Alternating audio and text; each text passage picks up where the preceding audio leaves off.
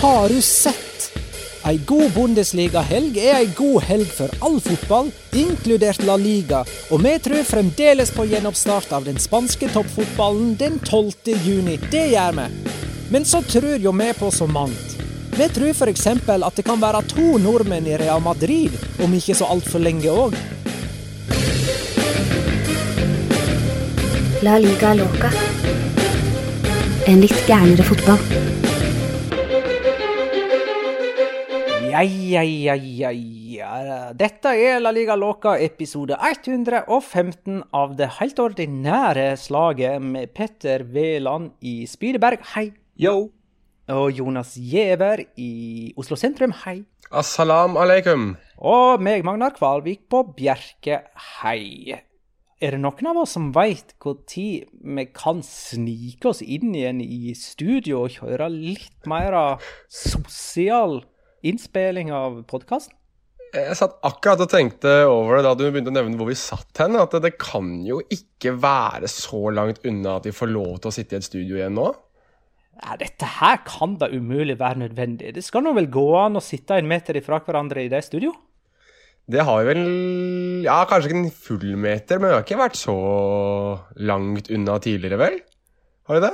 Ja, det, nå, dette må vi teste ut. Ja. Eh, Altså, folk sitter jo i studio hver dag. Petter satt kanskje ikke i studio i helgen, men hans kollega gjorde nå i alle fall det da Bundesliga ble sparka i gang. Men du satt i ei kommentatorbu, gjorde ikke du det, Petter? Det gjorde jeg. Jeg Var eh, storkoste meg med live fotball igjen. Jeg har nesten fått nakkesleng etter å ha sett tilbake på ting i to måneder. Så det var digg å ha litt eh, nyheter foran meg.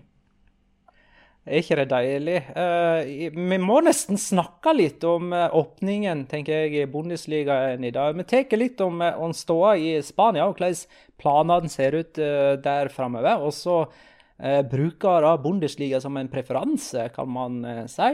Og, så i disse tidene her, der det har vært lite live fotball, så har jo sportspresset boltra seg i overgangsryktet eh, opp i mente. Så nå kryper vi vel til korset og slenger oss litt på den overgangsrykteleiken, vi òg, i dagens episode av La Liga Loca. I tillegg til at dere skal møtes head to head i en ny quiz. Jeg sier ikke helt enda hva som er tema for dagens quiz, men dere får nå vite det snart nok.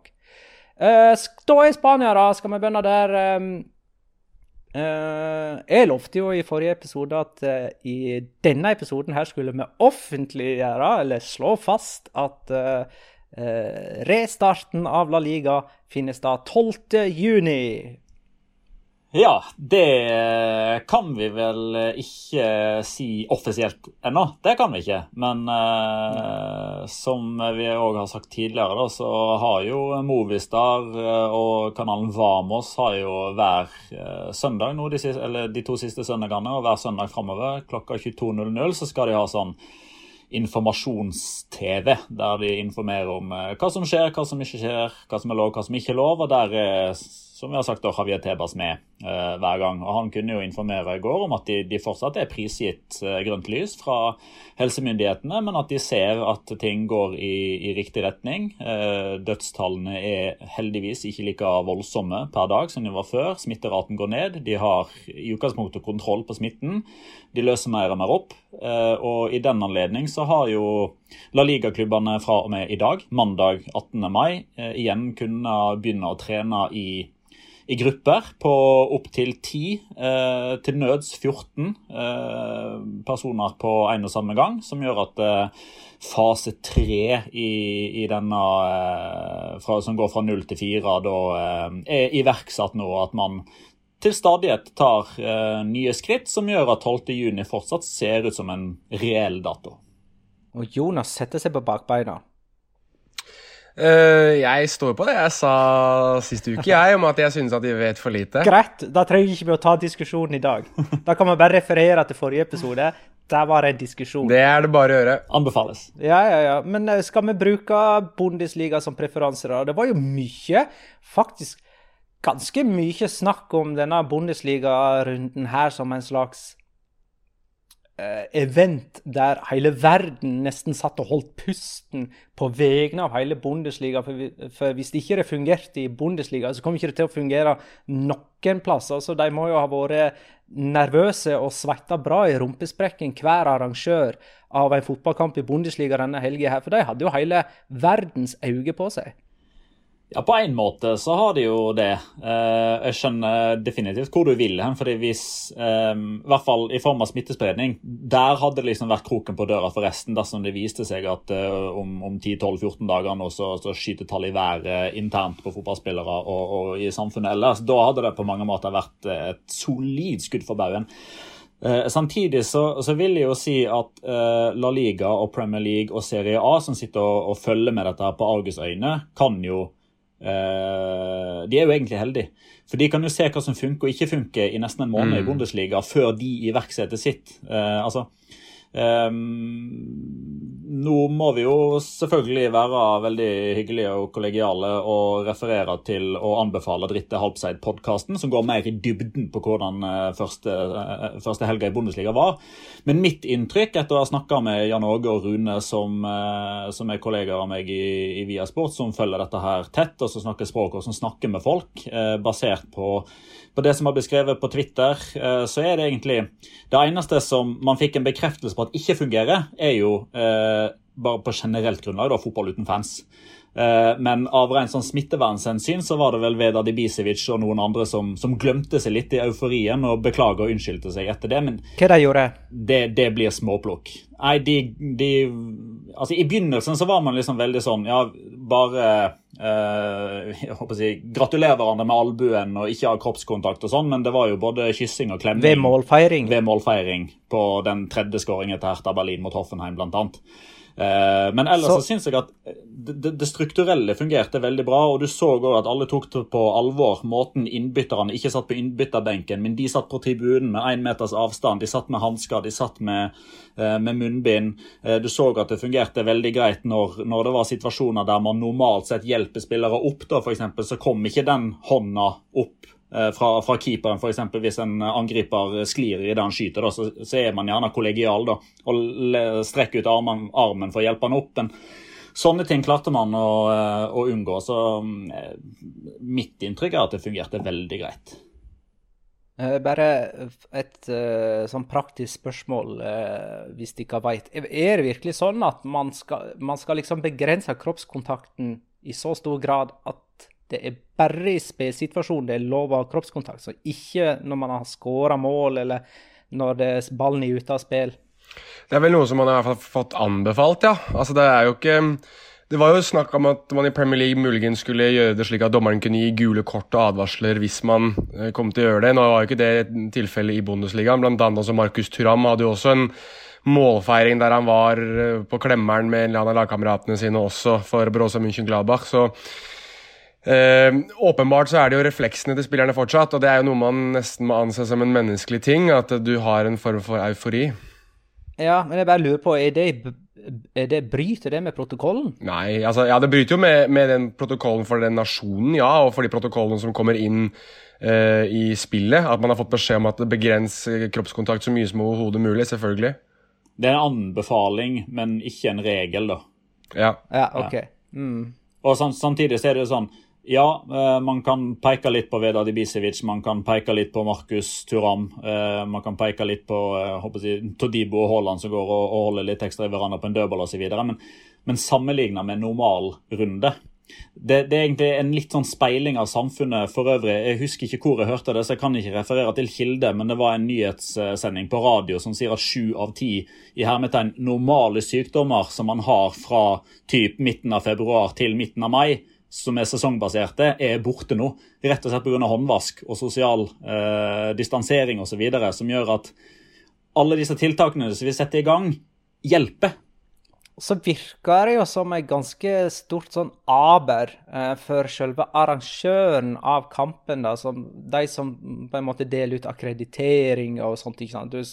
Det var vel sånn som jeg forsto det, det var ti journalister og tre fotografer som hadde lov til å være på stadion. Og da blir det jo uh, ja, Å overholde det er jo én ting, og så, og så, blir det jo en slags selektering av media og liksom finne ut hvem er det som skal få lov å inn, osv. Ja, det var eh, flere medie, altså mediekrediterte mennesker enn Haaland sa, en ord Haaland sa i intervjuet sitt, virker det som. Uh, det er jo det som har vært den store snakkegreia nå. Men ja, du har rett der at det har vært en veldig sånn selektiv uh, Et selektivt valg fra arrangør rundt hvilke journalister, altså hvilke mediehus, rettighetshavere osv. som skal være til stede og som skal være nært på spillerne. Jeg la også merke til at uh, da Haaland ble intervjuet, så var det jo altså det var jo mm, plastpose og det som var over mikrofonen for at man skal kunne ta det av, sånn som man har sett også i Norge, selvfølgelig. Men man tar alle mulige forbehold. Så jeg synes jo at eh, sånn sett under ett, og da jeg var liksom uh, hva heter det for det, Maud Flanders fra The Simpsons siste episode og ba oss alle om å tenke på barna, så må jeg jo si at dette har vært en veldig gjen suksessfull gjennomført uh, runde av Bundesligaen. Så selvfølgelig, hvis dette her er starten, og det man tenker at det skal være uh, den nye prosedyren i hvert fall ut denne sesongen, så har jeg tommelen opp for hvert fall de måten, den måten man har tatt smittevernet på alvor. Det negative her da var jo òg altså antall skader, eh, det, det, tok man jo på mange måter eh, med i beregningen når man starta opp. Altså Alle sa jo det at eh, vi har ikke fått nok tid til å forberede oss, og det kommer til å bli flere skader enn normalt. Eh, det jeg riktignok savner i, i det ordskiftet der, for jeg håper å si, ikke, ikke sånne som Jonas som Sånne som Jonas, nå hørtes jeg feil ut. men Jonas, Jonas, sitt argument gikk jo på, på dette smittegreiene, og det er 100% respekt for, og det er et nobelt syn å ha. Eh, men, men eh, si, de fotballsupporterne som var motstandere av at man skulle starte opp nå, som frykta at det kom til å gå utover uh, typ kvaliteten på spillet, og at spillerne kom til å bli skada, og vi kan ikke spille hver 72 time osv. Det jeg savner i den argumentasjonsrekka der, for det første så er det sammenligningsgrunnlaget. Ja, nå fikk vi tall på at i løpet av de seks kampene som ble spilt i Bundesliga på lørdag, så var det åtte spillere som endte kampen med skade, som måtte byttes ut pga. skade. Men grisetaklinger?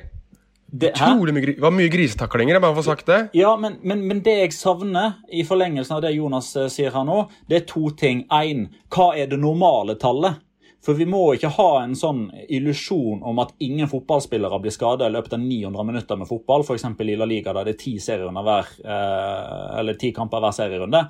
Der ryker det fem-seks spillere på både belastningsskader, hamstringsskader og overtråkk hver eneste serierunde. Det andre jeg tenker på, var at veldig mange av de skadene som man refererer til, er jo pga. Jonas det var masse grisetaklinger. Det var stempling rett på ankelen. Og det er klart at ja, det kan godt hende at man kan gå inn i materien her og si at ankelen er kanskje 1 eller 2% mer fragil pga. at man har trent litt mindre, men, men den skaden hadde kommet uansett. Og så så, man, så, så jeg òg at man tok med Per Siljan Skjelbred i den statistikken over spillere som ble skada. Per Siljan Skjelbred fikk krampe og gikk tre minutter før slutt etter å ha løpt 24 km eh, nesten. Eh, selvfølgelig litt overdrevet, men jeg savner litt sånn at man ser på det med åpne øyne. ikke det. Man har bestemt seg på forhånd at her kommer det til å bli masse skader, og så ser man på noen tall, og så sier man etterpå, så slår man seg på brystet. Hva var det jeg sa? Uten å ta hensyn til hva det faktisk er. Ja, du har jo helt rett, uh, Petter. Altså Fem-seks skader i løpet av en serierunde, det er jo kun på Valencia. ja. Valencia sitt forsvar. Riktig.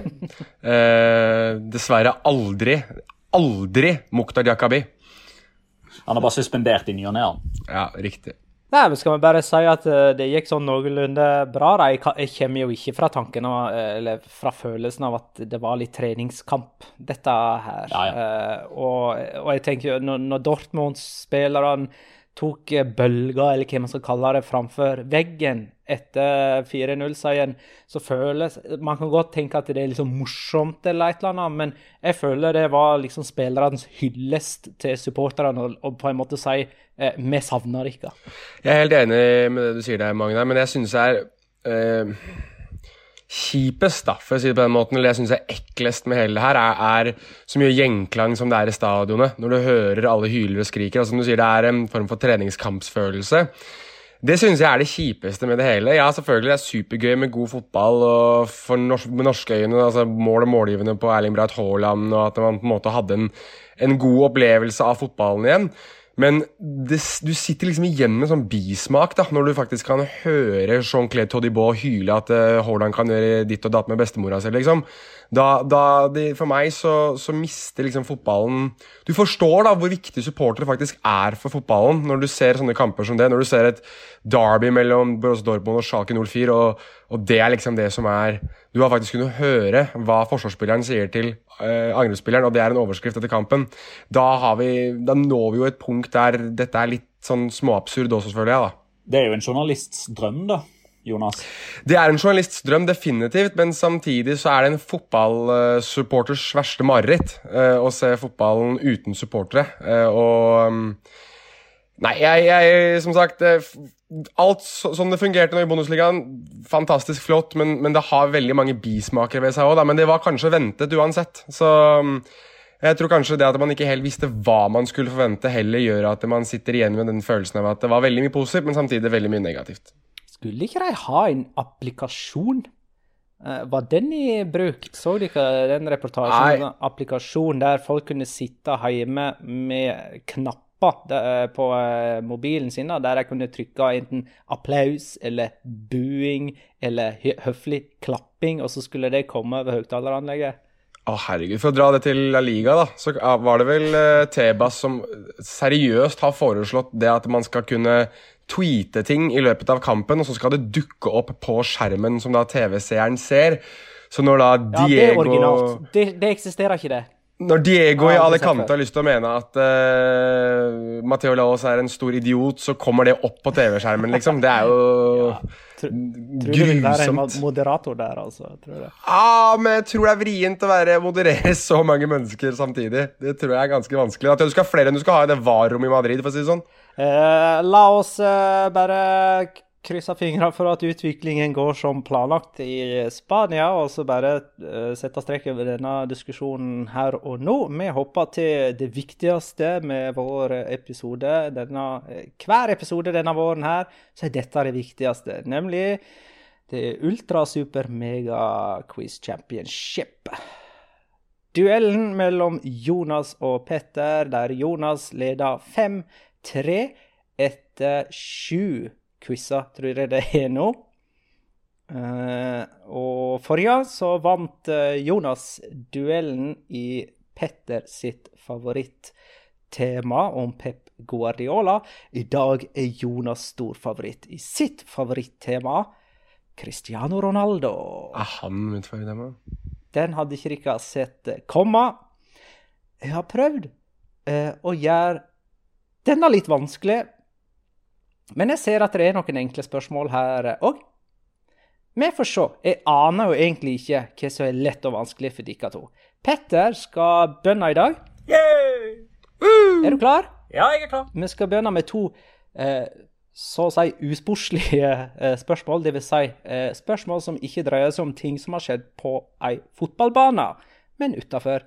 Men ikke, ikke um, eh, påstander om voldtekt og sånt. Det skal vi la ligge. Det tror jeg er lurt. Petter. Enkelte irriterer seg over at Cristiano heter Ronaldo. Eh, denne irritasjonen kommer sikkert pga. en kombinasjon av at han tar litt av glansen fra det brasilianske fenomenet, og fordi at Ronaldo ikke er et slektsnavn for Cristiano sin del. Det er et slags andre fornavn. Eh, det var faren til Cristiano som ville legge til navnet Ronaldo, men hvem var det en hyllest til? Det var en hyllest til Ronald Reagan. Har du sett? Hvordan visste du det, da? Det har jeg jo lest et eller annet sted, og så sitter det baki der. Men altså, utallige diskusjoner med ekte Ronaldo og legge inn i hvert fall en C foran Ronaldo osv. Både på, eh, på TV, i regi og i vennlig lag. Ja, OK. Jeg eh, snubla nok uh, til å si Ronaldo om Cristiano Ronaldo både titt og ofte. Men det er riktig, altså. Ronald Reagan var favorittskuespilleren til Cristiano Ronaldo sin far. og han var jo dessuten amerikansk president da Cristiano Ronaldo ble født i 1985. skuespillere og presidenter i USA er jo gjerne to sider av samme sak. Og business, men den tredje sida, kanskje. Jonas! Hallois. Cristiano Ronaldo har fått diverse ting oppkalla etter seg, f.eks. en flyplass på Madeira. Men så finnes det òg noe som heter Cosmos Redshift 7, som kan forkortes med CR7. Et navn som er gitt av universitetet i Lancaster, inspirert av Cristiano Ronaldo. Men hva er det et navn på? Hva er Kosmos Redshift 7? Kosmos Redshift 7? Oh yeah. Hva var det Denne du, var tricky her. hva du sa det var en? Universitetet i Lancaster. Ligger det langt unna Huddersfield? Kan si såpass at det er mange universitet involvert her, men eh, det er jo i selve arbeidet, da.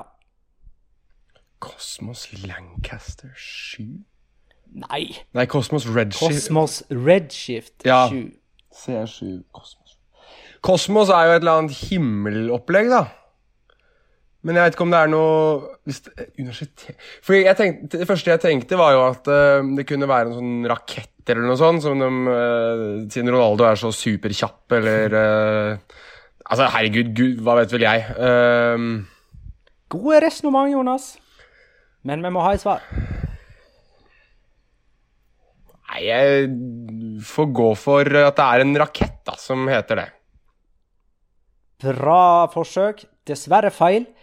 Kosmos Redshift 7 er faktisk en galakse oppkalla etter Cristiano Ja. Ronaldo. Det Jeg skal er ha en- jeg skal, Ja, jeg skal ikke ha poeng, Nei. men jeg skal ha skryt for at jeg i hvert fall skjønte at det var noe himmelgreier. Ja, med kosmos i navnet, så fikk du et hint der, da. Ja. Eh, jeg har lyst til å fortelle litt om denne galaksen.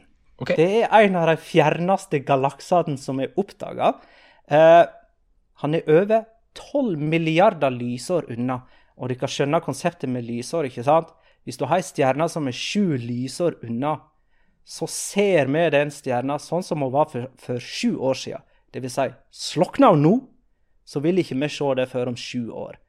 Så når vi kan se denne galaksen, da kan vi se 12 milliarder år tilbake i tid. Og der kan man se universets første generasjon av stjerner.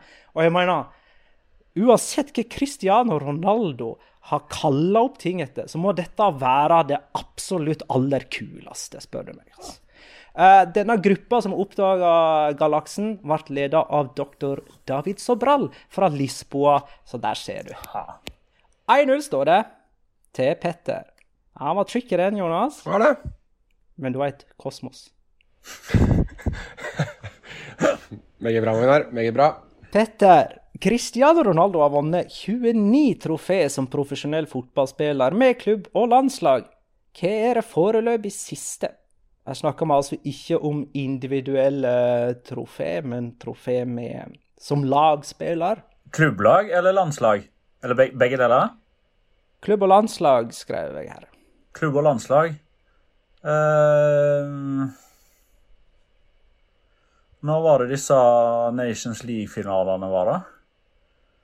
Eh, jeg lurer på om det var den siste, altså. Han vant jo Serie A, men eh, den var jo ferdig i mai, og så var eh, Nations League-finalene etter det.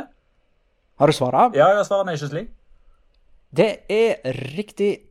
Det er hans foreløpige siste trofé, Uefa Nations League med Portugal i sommer i fjor. Jonas. Jonas. Jonas. Cristiano Ronaldo har spilt 169 kamper i Champions League, noe som gjør han til spilleren med nest flest Champions League-kamper. Hvem har flest? Å, herregud. Ehm.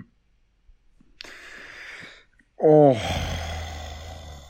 Det der er så slemt, altså. Uh, for det er, eh, det, er, det er en liten gruppe på fire spillere sånt, som jeg regner med at det er her. Det er Chavi, Iniesta, Iker Casillas og Gianluigi Buffon.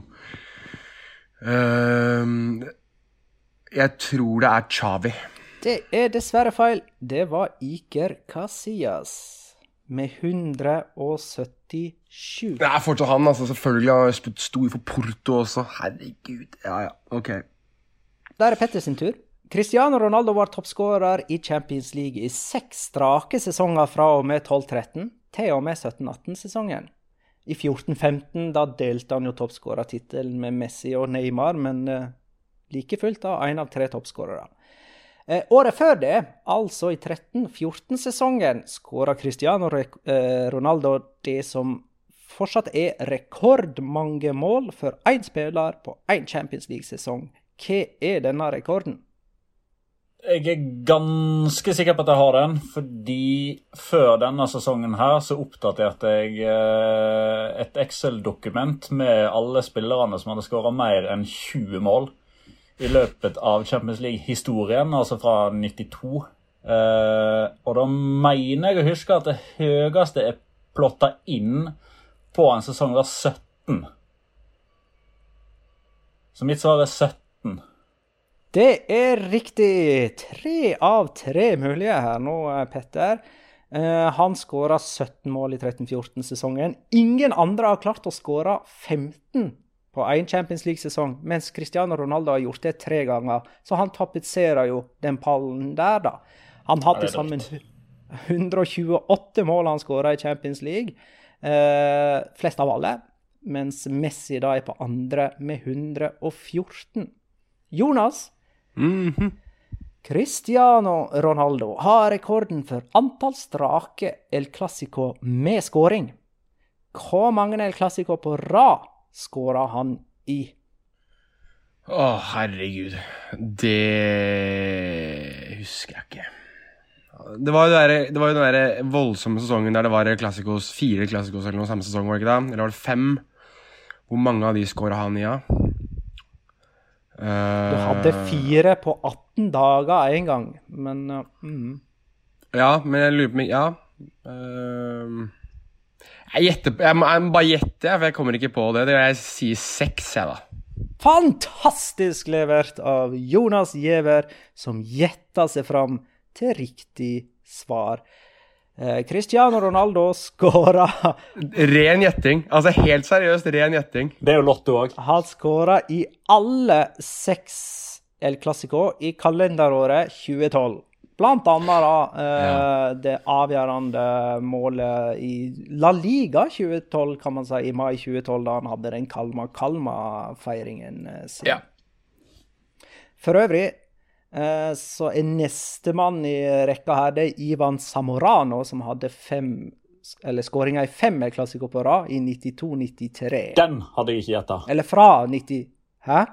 Den hadde jeg ikke gjetta. Nei, nei det, og det var heller ingen quiz. Fra 92-93, altså over flere år, da.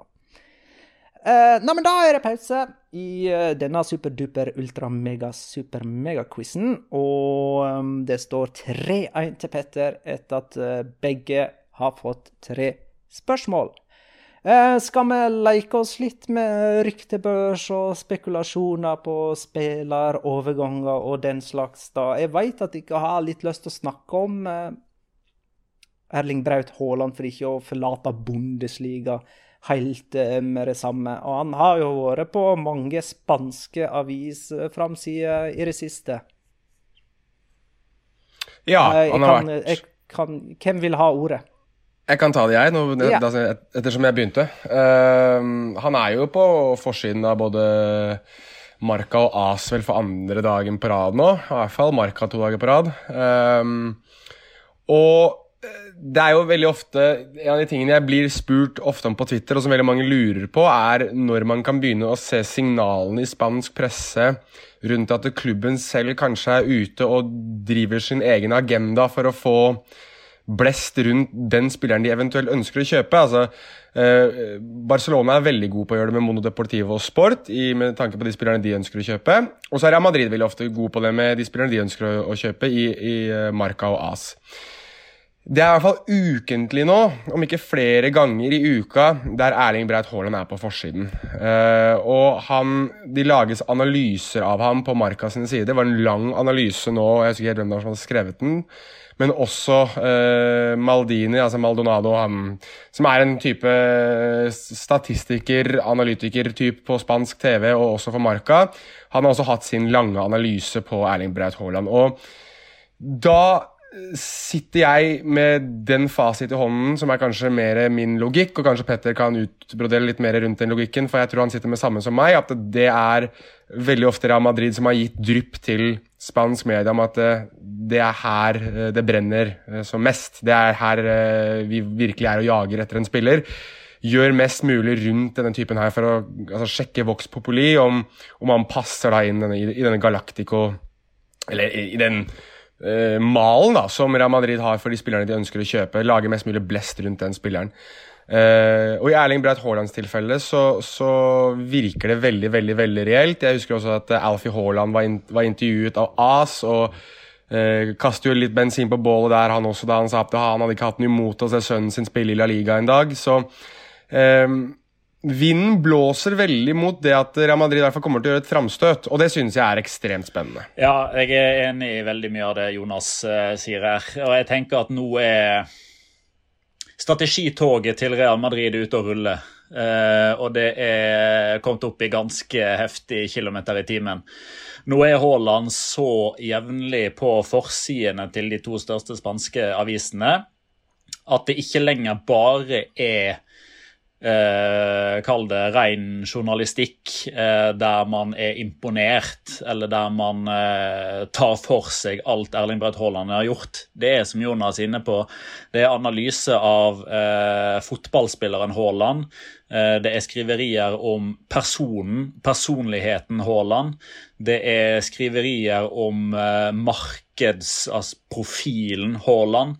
Eh, det er snakk om hvordan Haaland kan passe inn i et fremtidig Real Madrid. Altså det er på alle fasetter av, eh, av si, eh, strategihåndbokas ABC. Uh, I tillegg til uh, Fiebre Maldini, altså Julio Maldonado, som Jonas nevner, så har jeg òg Alvaro Benito, uh, Thomas Roncero, som begge er kall det cowboyjournalister. Men de er altså Førstnevnte er jo tidligere trener i Real Madrid sitt ungdomsakademi. Han spilte for Real Madrid på 90-tallet som har sin egen YouTube-kanal der han inviterer forskjellige fotballpersonligheter til å komme med sine meninger om de spillerne som han eh, mener er verdt å ta opp. Jeg føler Disse her hadde ikke gadda å bruke tida si og eh, Twitter-kontoene sine og YouTube-kontoene sine på noe de lett kan få avkrefta fra Real Madrid. Det er én telefon, det er én WhatsApp-melding. Er dere interessert i Haaland? Hvis svaret tilbake er nei, så gidder ikke disse her å bruke tida si på det.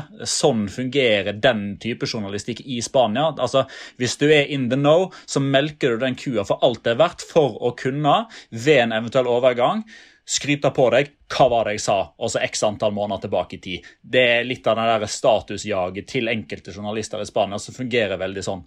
Eh, og han er på forsida like, like, nesten like ofte som Kylian Mbappé, som Paul Pogba var i sin tid. Og Det forteller oss to ting. Én, interessen er reell. Den er reell, det må vi bare ta inn over oss. To, det er ikke sikkert det kommer til å skje av den grunn. Eh, var ikke han på forsida i går, selveste 17. mai, sammen med Mbappé og Eden Hazard til overskrifta 'Trioen på det nye Santiago Bernabeu'? For uh, Santiago Bernabeu er under oppussing. Er det sånn at dere begynner å tro at det her skjer? Altså Haaland til uh, Real Madrid? Kan, Jonas, Om ikke, ikke med det aller første, men sånn, la oss si innen to år, da. Jonas, kan ikke bare få jeg, være så uh, hovmodig at jeg uh, siterer meg sjøl til deg når vi snakker sammen i anledning en artikkel du skrev. Hadde det vært for fem år siden, i 2015-2014, og noen hadde påstått overfor meg at det, det, går rykter om at om et år eller to så kan to nordmenn spille på Real Madrid, så hadde jeg gått inn på Google Maps og leita opp det nærmeste mentalsykehuset og ringt og, og anbefalt deg å, å, ta en tur dit. Men nå er det logikk. Eh, og det er reelt. Det kan skje. Men som vi òg har vært innom ganske mange ganger, det er langt fra i marka-forsida eh, fire-fem ganger i måneden til det faktisk skjer. Eh, og det kan jo kanskje du fortelle litt om, eh, Jonas. Blant annet eh, relasjonen mellom f.eks. Real Madrid og Florentino Perez kontra de som eh, er rådgiverne til Erling Braut Haaland, Mino Raiola f.eks. Ja, altså, nå skal det først og fremst sies, Når du er inne på Mino Raiola, så har han drevet en sjarmoffensiv det siste året i spansk presse, han også, hvor han ved flere anledninger har hevdet at han har um, ryddet opp i det som har vært et trøblete forhold med uh, Real Madrid. Altså Real Madrid i sin tid var i hvert fall ifølge rapportene veldig interessert i å hente Zlatan Ibrahimovic da han spilte i Milan, uh, men det gikk ikke gjennom fordi de ikke klarte å forhandle med Mino Raiola. Mino Raiola var vanskelig å ha med å gjøre, og er kjent for å være vanskelig å ha med å gjøre. Nå har han faktisk en spiller på plass allerede i Real Madrid, i Alfonso Areola, eh, som eh, det har gått relativt smooth med. Altså, de gjorde ikke noe Satte ikke noen kjepper i hjulene når han skulle til, eh, til, Real Madrid som en del av den Keylor Navas-avtalen. Uh, og han har vært veldig tydelig på det at han gjerne vil at, ha, at, en av hans mest profilerte spillere skal spille i Real Madrid. At det hadde betydd mye for han også som agent. Så åpenbart så er det to parter her nå som strekker ut uh, Leiberg-kransen og ønsker å enes rundt en overgang. Um, og når du da i tillegg har Mino Raiola, som også skjønner mediespillet, han kommer fra kanskje det landet som er mest kjent for mediespill, i Italia, så, så begynner man å komme til et punkt der jeg tror at um, Mino Raiola må plassere én spiller i Real Madrid. Han må klare å få til én overgang dit. og Jeg tror ikke det er Paul Pogba Manchester, fra Manchester United, for jeg tror United ikke trenger å selge. Jeg tror United uh, kan beholde ham egentlig ut kontraktsiden hvis de skulle ønske det. Jeg tror at det kommer til å ende med at han signerer ny kontrakt, skal jeg være helt ærlig. Og da er nestemann på lista er, for Real Madrid sin del er Erling Braut Haaland. Uh, fordi han passer inn i modellen deres. Han, han er den målskåreren som de trenger, tydeligvis. og Eh, så har du den perfect stormen med at Luka Jovic pisser seg selv på leggen gang etter gang etter gang. etter gang, og da er det Samtidig så har du en nordmann som banker inn skåringer og blir famøs på sosiale medier for de tingene han ikke ønsker å si til en journalist, f.eks. Altså, det er en medieprofil da, som gjør at uh, han appellerer enda mer til et kravstort Real Madrid. Og så kan vi òg nevne eh, at forholdet mellom Real Madrid og Borussia Dortmund, som på sånn klubbnivå, organisatorisk nivå, presidentnivå, har vært veldig bra de siste årene. Man har møttes mange ganger i Champions League uten at det har blitt tumulter eller bråk eller dårlig stemning av den grunn. Altså Du hadde de oppgjørene der Lewandowski fillerista Real Madrid. Eh, så var det vel sesongen etterpå så gikk Real Madrid videre på dramatisk vis. og Så har de møttes i gruppespill et par ganger etter det, men det er ikke noe ondt blod mellom klubbene. Og I tillegg så rapporteres det jo, det har jo faktisk eh, Dortmund-sjefen sjøl sagt, Watschke, at etter eh, etter 4-0-seieren mot Schalke så hadde han fått gratulasjoner fra ganske mange. Og de to han name-droppa, var jo én Jørgen Klopp, tidligere Dortmund-trener, kanskje den mest populære treneren i verden for øyeblikket, og Florentino Perez, for han veit hvordan dette fungerer. Siden jeg nevnte Santiago Bernabeu, dette blir en liten avsporing, men den er jo under oppussing akkurat nå. Og da la seg en plass at Real Madrid planlegger å spille sine resterende kamper for tomme tribuner på Valdebebas, altså på treningsanlegget sitt. Stemmer dette?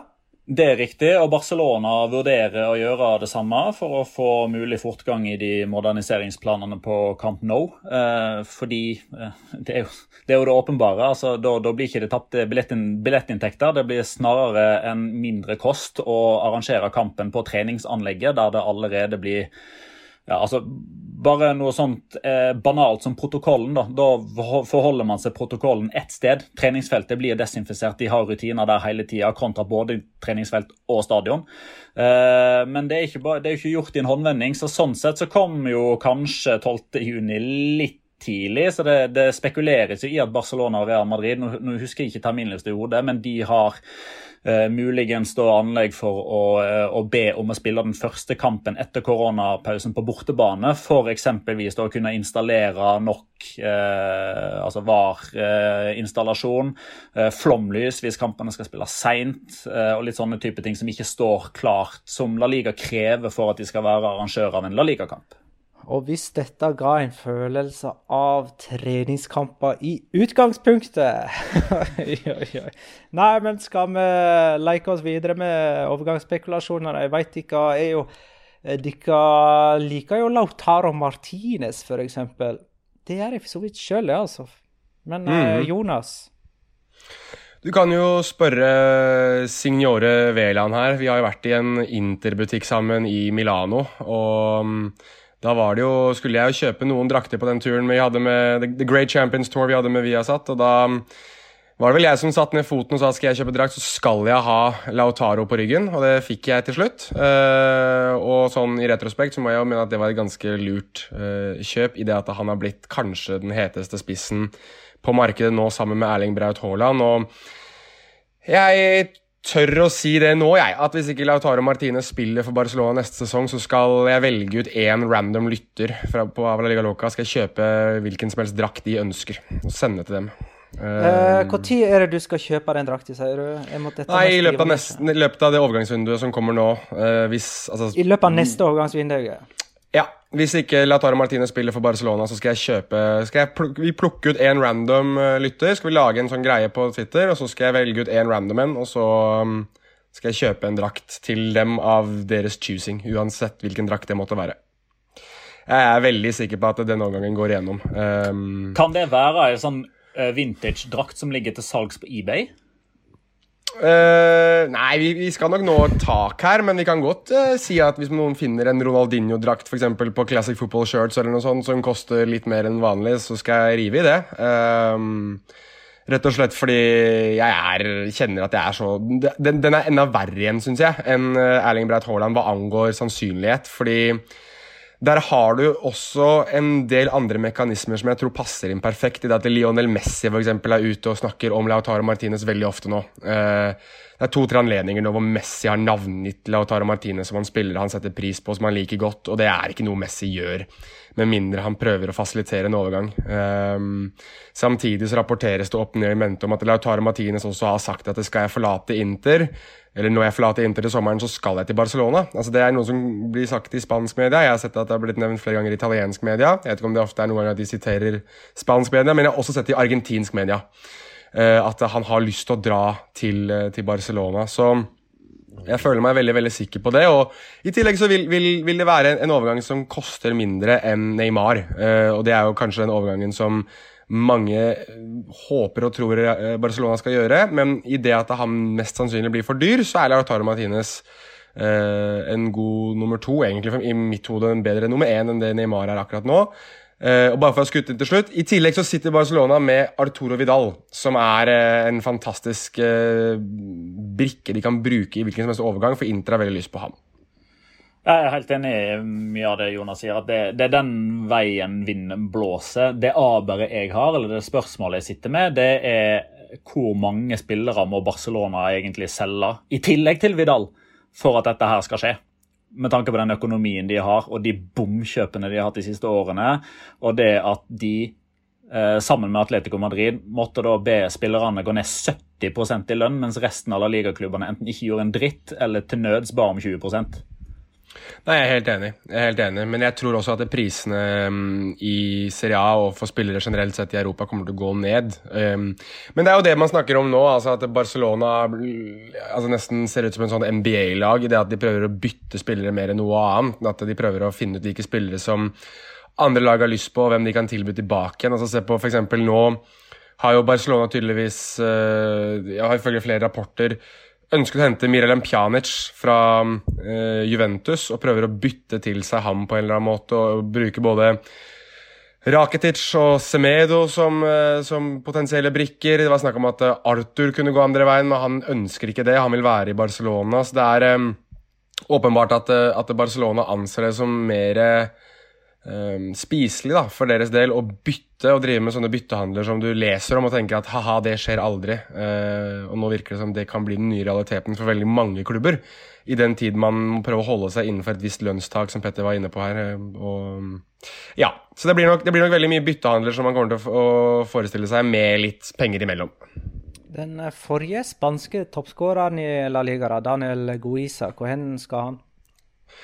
Du, han skal bli værende på nivå tre, han, i, i Spania, i Atletico San Luqueño. Eh, det var jo eh, for de som husker det, det var jo et eh, smått legendarisk bilde av han som gikk på sosiale medier da han eh, handlet inn eh, noen duggfriske til eh, karantenen med Cruz Campo. du, hvor gammel er han nå? Han er, ni, han er 39. Uh, og det morsomme var jo at han var på utgående kontrakt nå, eh, men nå forrige uke, vel Utgående kom, karriere, kan vi også si. Ja, det kan vi kanskje også si. Eh, det er en sliten mann. det er bare å se bildene av han, det er en veldig sliten mann. Ehm, men han hadde da signert ny kontrakt, ny ettårsavtale med Atletico San Luqueño. Og mm, det morsomme der er at hvis du ser litt nede på den uh, announcementen, så ser du at det, en av de som sponser den overgangen, det er Cruz Campo. Samme ølmerke som han var inne og handla. Og han er nesten blitt som en sånn levende reklame for, San, for Cruz Campo på sin Instagram-side. Så Dani Guisa betales i øl, mens uh, Lautaro Martinez betales i penger. Helt nydelig. En kjapp liten quiz fra meg før Magnar overtar showet igjen. En annen La Liga-profil som har fortid i Atletico San Lucenio, tar dere den? En annen La Liga-profil. Spiller i La Eh, Liga nå. Som har fortid i Atletico San Lucenio. Nei, den tar ikke jeg. Han har spilt i City. Jesus Na... Nei, Alvaro Negredo, kanskje? Nei. Er det helt Jesus mann? Da? Nei. Silva? Nei. Nei. Jeg gjorde det ikke nødvendigvis sånn kjempebra. Litt OK i starten, altså. så Javi Garcia? Nei. Litt samme løpesett som Luis Suárez. Spilte i City? Venstre kant. Venstre kant. Celta. Granada. Ah, Nolito? Nolito. Ja, det er interessant når du nevner løpesettet. Det har jeg aldri tenkt på. De har ganske likt eh, løpesett, bare det at eh, Nolito ser ut som en mus, eh, mens Louis Luis Suárez er- ser ut som en rotte. Han har passgang Nolito. han, Ja. hvis, når han tar høyrefoten fram, så tar han også høyre armen. Sånn Ja. ser det ut. Men jeg har, jeg har, jeg har faktisk glemt hans i Manchester City-tid. Jøss. Det var en herlig oppfriskning. Og ellers har Piano siste fått eh, bot, og så vidt jeg vet, så har ikke han sparka en ball på over to måneder. Du er veldig glad i Pionicisto, Magnar. Det går liksom ikke en episode nå uten at du skal ha, ha inn liksom siste Nei. nytt om Pianisisto. Obligatorisk innslag. Eh, han må nevnes. Men nå, quiz. 60 000 euro må vi jo bare presisere da, at den Det, det er eh, ganske boten masse, skjønner du. Det, det er klubbhistoriens uh, største bot by far. Men, men det var vel karantenebruddet. Altså Ja. uh, koronakarantenereglementet. Uh, og ikke nødvendigvis at han svikta Celta Vigo, uh, tror jeg. Eh, men han har jo heller ikke holdt sin særlig form, så vidt jeg har skjønt. da. Men greit, da går vi på uh, quizen. Vi er på Petter sitt fjerde spørsmål. Du har hatt alt rett så langt, Petter. Klarer du denne her òg? Jeg tror det. Få høre. Se. Nei, nå skal vi høre. Inn mot seriestart med Manchester United i 2006 ba Cristiano Ronaldo om å bli solgt, fordi han mente han fikk lite støtte internt etter en spesiell episode med en lagkamerat. Hva episode er det snakk om her? Var det Wayne Rooney-episoden? Utvisninga der? Ja, litt mer rausjonell. Ehm, 2006 VM 2006 uh, Detaljene i dette her må jeg nesten gjette meg litt til uh, på uh, ekte Jonas-vis. Men eh, jo, var det da han drev og fekta med armene og fikk liksom Rooney utvist? Ja. Det var jo det. Uh, jeg kan ta det Altså litt Po- mer Portugal, detaljert. England, Wayne Rooney ble utvist, og Cristiano Ronaldo sto liksom og hoppa gestikulerte. Han må ut, han må ut. Ja. Sånn var det. I VM-kvartfinale mellom England og eh, Portugal, der Wayne Rooney var involvert i en duell med Carvalho, kom eh, Cristiano Ronaldo springende på, mot dommer og pekte ut eh, Wayne Rooney som den store synderen. Eh, Rooney fikk gult kort, og Cristiano Ronaldo ble observert smilende mens han blinka, blunka til eh, Portugal-benken. Og for alltid sett på som eh, en, eh, ja, et hatobjekt i England. da. Han fikk vel rødt kort. Og han ville jo vekt Hæ? Han fikk vel rødt kort, så hadde du ikke gult kort. Sa jeg Jeg gutt? syns du sa gult. Ja, så Rooney ble utvist, ja. Ja. Så du kan si eh, Cristiano Ronaldo fikk viljen sin. Eh, men det var jo fra 06-07-sesongen at det virkelig tok av for Cristiano Ronaldo. da, Så det virker jo som det hatet der, det, Stilna raskt. det tente han. Det stil, stilnere. Kanskje blant United-fansen, men i England, så Ja. jeg veit ikke. Eh, Jonas. Ja. Real Madrid vant tre Champions League på rad med Cristiano Ronaldo på laget. Det gjorde de. Hvor mange mål skåra han i disse tre finalene til sammen i ordinær tid? Ordinærtid? Uh, Etter 90 minutter. Ja. Uh, for han scora hmm, Bare gå gjennom finalene, da. Skal vi se. Han scora Han scora mot Juventus. Uh, men Skåra mot Juventus Cardiff, men var det kun ett mål, eller var det to? Uh, det husker jeg ikke sånn med en gang. Bare, bare resonnerer meg fram. Han skåra mot, mot, dem. Han skåra ikke mot Atletico Madrid uh, i ordinær tid den andre finalen, 2016-finalen. Uh, eh, da skårte han Eller var det ordinær Nei, for det var straffesparkkonkurranse. Ok, da er den finalen borte. Og så mot Liverpool så skårte han ikke. Så han skårte i hvert fall ett mål mot Juventus, men var det to? Uh, det tror jeg det var. Det var en tidlig scoring. Um, så jeg sier at han skårte to, jeg. Ja. Helt riktig. Han skåra ja. to mål på de tre finalene, og begge kom mot Juve i 2017. Petter, hvor mange serietitler har Cristiano Ronaldo? Oi. Oh, Fytterakkeren. Han har én i Juve. Uh, og for Real Madrid så har han to. For i løpet av en tiårsperiode der så vant Atletico 1, Real Madrid 2 og Barcelona 7. Men hvor mange har United, er jeg ikke sikker på. Eh, da er det jo to For det her var jo akkurat i begynnelsen av Chelsea sin periode, slutten av Arsenal sin. Eh, så det er tre pluss X er lik Y. Pythagoras liker deg nå. Uh, det spørs jo om uh, X og Y er riktig, da. Uh, et, jeg vil si at jeg tipper han vant tre i Manchester United, at det er seks totalt. Heite. Det er riktig. Han vant tre på rad med Manchester United. 0607, 0708 og 0209. 0209, ja. 0809, da. Ja. Hvis du skal nå være så pertentlig. Drikker du vin da, i dag, eller, Magnar? Nei. nei. Da Men uh, jeg må eh, reparere hjernen med nettopp det nå etterpå. uh, da har Petter vunnet denne uh, Cristiano Ronaldo-quizen. Så får vi jo bare se hvor stor denne seieren blir. Jonas, mm. og dette mener jeg er det vanskeligste spørsmålet i dag. Den får du. Ja, ikke sant? Men for det kan det jo være griselett. Cristiano Ronaldo er den eneste som har vunnet ligaen både i England, Spania og Italia. Men mm. han er ikke den eneste som har skåra hat trick i alle tre seriene. Det har nemlig én til gjort. Hvem er det? Det vet jeg. Eh, for det er en av mine absolutte favorittspillere noensinne. Og han har gjort det for Odinese. Mot Palermo. Barcelona. Mot Elche og Ja.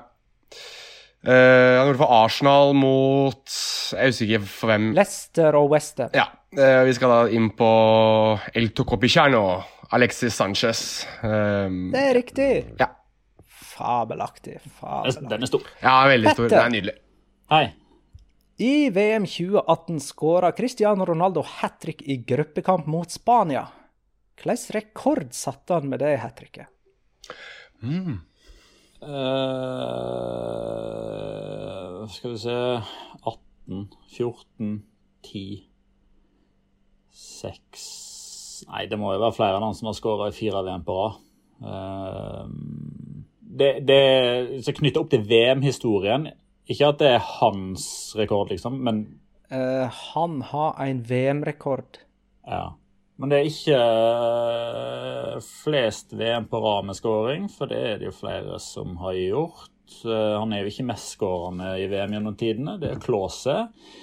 Eh, kan han ha skåra hat trick i flere VM-er, da?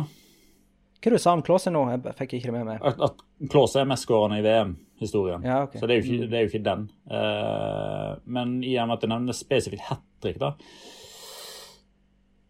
Spilte ikke Portugal mot Nord-Korea eller et sånt der eh, buljong eh, eller- Jeg tipper han har skåra hat trick i to forskjellige VM. Eh, de spilte ikke mot Nord-Korea i 2018-VM. Nei, men i 2010. Ja. Nei, han ble den eldste som skåra hat trick i et VM. Ah. Eh, for Cristiano Ronaldo, vet du, han er 35 år. Jeg føler det er litt lett å glemme. Og Tror jeg ikke noe på, Magnar. han var 33 da. Hva har du lyst til å si, Jonas?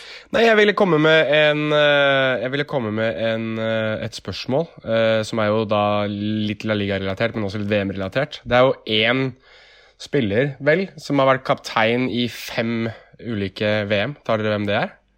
Ja. Hva kan jeg si, om Magnar tar den, da?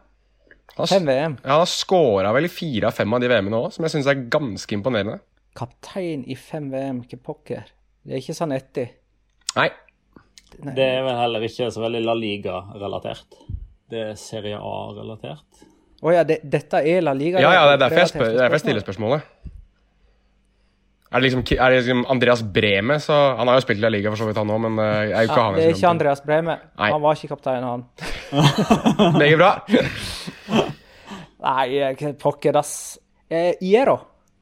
Nei. Jeg Har du lyst til å ta det, Petter? Det var et godt tips. var- Det var Vi et skal til, vi skal til Mexico, Magna. Feira til Mexico nå. Hugo Sanchez. Nei. Vi skal Nei. Lenger bak på banen. Eh, Mark, eh, Rafa Marquez. Ja, Rafa Marquez, kaptein i fem VM, skåret i fire av dem. Det er sant. Når, når jeg nå kom på det, så uh, vet jeg at jeg har blitt eh, fortalt dette for ikke så veldig lenge siden.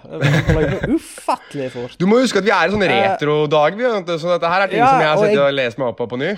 Glemmer all ny informasjon. Ja, nettopp. Eh, men da er vi på det, i episodens siste spørsmål. Eh, Jonas. I semifinalen i EM 2012 møttes Portugal og Spania. Det ble straffekonk etter målløse 120 minutter. Hvordan gikk det med straffesparket til Cristiano Ronaldo i straffekonken? Uh, han uh, ble ikke syndebukken. Uh, det var en annen enn som ble. For jeg husker at Cristiano Ronaldo sto og banna og sverta. For de hadde vel tapt to semifinaler på rad i EM eller noe sånt mot Spania. Eller i hvert fall tapt mot Spania ved to anledninger, så Ronaldo liksom sto liksom sånn Alltid de her, altså. Alltid de her. Um, så jeg tror Cristiano Ronaldo scora. Ja. Det er nok eh, feil. Ja. Han tok ikke straffe. For det at Nei, han var oppført ikke. som femtemann, Ja! mens Spania avgjorde før man kom så langt. Stemmer, det var det det var. Ja, ja. Det var jo litt av en seanse, da. Da tror jeg det, det ble 5-3 her. Det ser sånn ut. Og, og dermed 5-4 sammenlagt. Nei, men så moro! Da er det spennende igjen. Jeg har dette, denne nerven her, altså. Du må close der ut. Denne trengte du, denne trengte du Magnar. Nei, men så moro, da. Det står 5-4 sammenlagt, og Petter er uh, det Cristiano Ronaldo-champ. Da har ikke jeg mer på hjertet. Det tror ikke jeg har heller. Har det gått så lenge, da, kjære lytter. Ta vare på hverandre. Takk for at du lytta, kjære lytter. Ha det, da.